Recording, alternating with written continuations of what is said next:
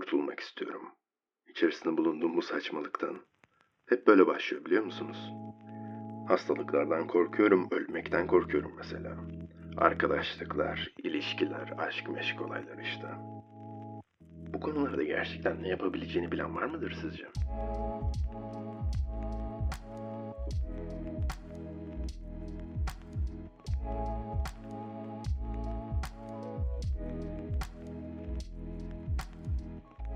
Tarih boyunca böyle insanlar hep olmuş. Genelde bu işlerle ilgilenmeyerek bu işleri çözmüşler.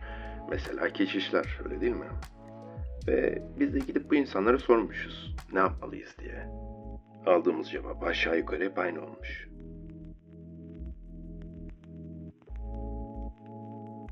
ızdırap çekiyorsun. Çünkü arzu duyuyorsun. Bayağı açık aslında.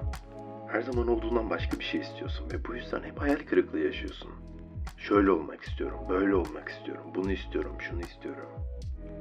Daha iyi bir işte çalışmak istiyorum, daha fazla para kazanmak istiyorum, daha iyi bir eş istiyorum, daha iyi bir seks hayatım olsun istiyorum. Yani. Ve olmayınca da ızdırap çekiyorsun. İşte burada bir çelişki var.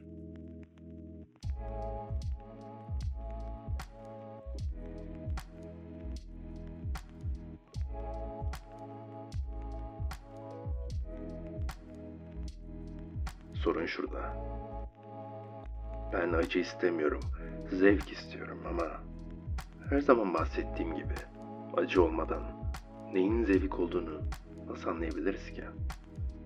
Peki şimdi söyleyin, gerçekten ne istiyorsunuz? Şimdi sorunun derin düşünmek korkutucu biliyorum ama kesinlikle gerekli. Bana kimsin diye sorduklarında genelde ben Yiğit'im diyorum ama böyle felsefi konuşulan bir masadaysak ben bir soğanım diyorum. Yani bir maske. Altında ne var diye sorduklarında bir maske aşağı iniyor ve yine bir soğan oluyorum. bir maske. İnsan düşünüyor. Bu nereye kadar devam edecek? Bu maskelerin en dibinde ne var? Hiçbir şey. Katmanlar boyu bir maskeden ibaretim sadece. Tüm bu soğan katmanlarının içerisinde ben neredeyim diye merak edebilirsiniz. Ama şunu söyleyebilirim. Biz hiçbir zaman o soğanın içerisinde olmadık ki. Soğan bizim içimizdeydi.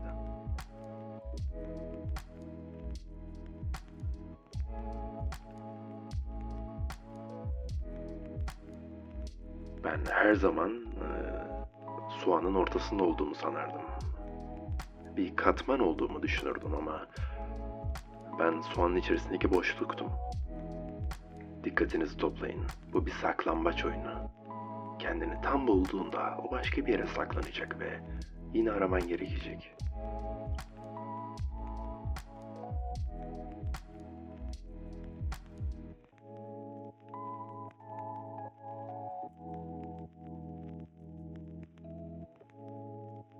Bir oyunu bozmak istiyorsanız bu oyunun kurallarına tamamen hakim olmak zorundasınız.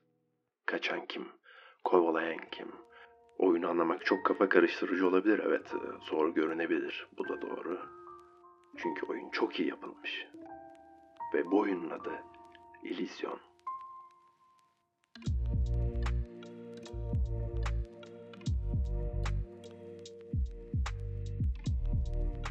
Birbirlerimizden çok flu bir şekilde ayrılıyoruz.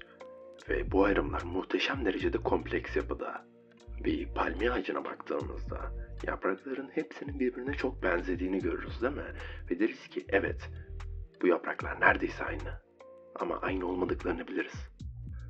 Bunun için onları detaylı incelememiz gerekmez. Eğer dünya dışından bir uzaylı gelseydi, ilk defa insanı görseydi, milyarlarca insanı aynı bu şekilde tıpatıp aynı olarak düşünürdü değil mi? Zira yerli Amerikalılar ilk defa doğudan gelenleri gördüklerinde de böyle düşünmüşler.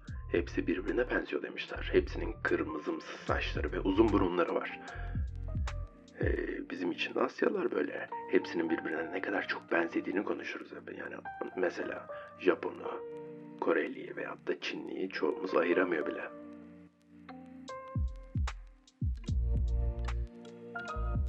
Ama mesela bu ayıramayanlar gidip her bir yerde bir sene yaşasaydı çok daha kolay olarak ayırt edebilirdi değil mi?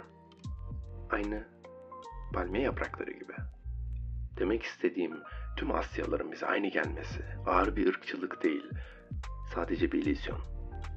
Zihnimiz ve bilincimiz farklılıklar üzerine kurulu. Özellikle yeni insanlar tanırken e, tanımakta olduğumuz bireyi daha önceden tanıdığımız insanlara olan farklılıkları ve benzerlikleri ile yargılarız. Ve bu da onları sevmemiz veya nefret etmemize yol açar.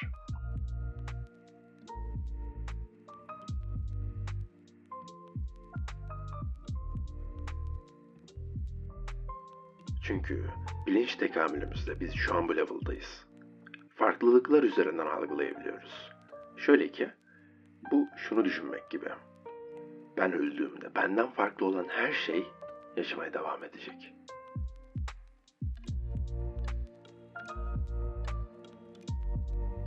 Benim dışımdaki herkes fark hesabı ve bu gerçekten çok korkunç. Burası yok olacak ve orası kalmaya devam edecek. Mesela dünyanın henüz keşfedilmemiş bir yerine gittiniz ve yepyeni bir koku aldınız orada. Daha önce aldığınız hiçbir kokuya benzemiyor. Bu kokunun güzel bir koku mu yoksa kötü bir koku mu olduğunu nasıl söyleyebilirdiniz? İllüzyon dediğimiz işte tam olarak bu tarz kokulardır. Şimdi şunu düşünün. Eğer hiçbir şey birbirine benzemeseydi, her şey çok korkutucu olmaz mıydı? Dünya üzerindeki her şeyi o tam olarak tanımlayamadığımız koku vardı ya, kategorileyemediğimiz. Aynı öyle olacaktı işte. Bu illüzyonları algılayabilmek için yapmanız gereken sadece tek bir şey var. Yapabileceğiniz tek bir şey var.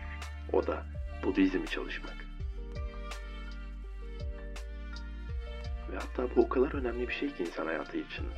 Ee, size şöyle söyleyebilirim. Haftaya bir üniversite finaliniz varsa hemen onu e, boş verip şu an Budizm çalışmalısınız. Çünkü bütün insanlık tarihi boyunca bu illüzyonun ardını görebilen sadece tek bir insan yaşadı. O da Buda. Gerçekten neyin ne olduğunu benim kadar merak ediyorsanız ve ne kadar düşünseniz asla bulamayacağınızı düşünüyorsanız Buda'yı çalışın abi. Buda'ya göre neyin ne olduğu çok açık. Bir illüzyon.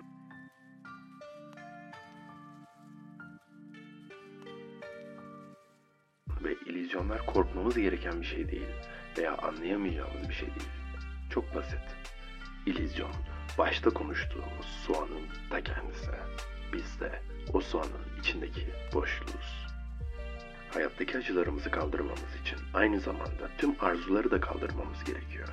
Ama bu da bunun imkansız olduğunu biliyordu. Çünkü arzuları kaldırmayı arzulamak kendi başına bir arzuydu zaten.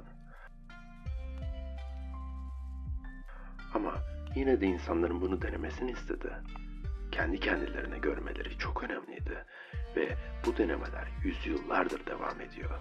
İşte şu an bu yüzden Budizm değişiyor. Bu da bu öğretileri aslında insanlara yapmadı bence. Tanrılara yaptı. Bunları öğrenen tanrılar dünyayı teker teker terk etmeye başladılar. Birkaç tanesi kaldı sadece. İnsanlar Buda'yı çalıştıkça yavaş yavaş onlar da yok olacaklar. Fakir ve zengin olmasaydı, dünya üzerindeki herkes eşit olsaydı, din birden yok olurdu. Çünkü insanlar sadece bu dünyadan mutsuz olduklarında dini yaratma ihtiyacı duyarlar. Bir sonraki podcast'te görüşmek üzere.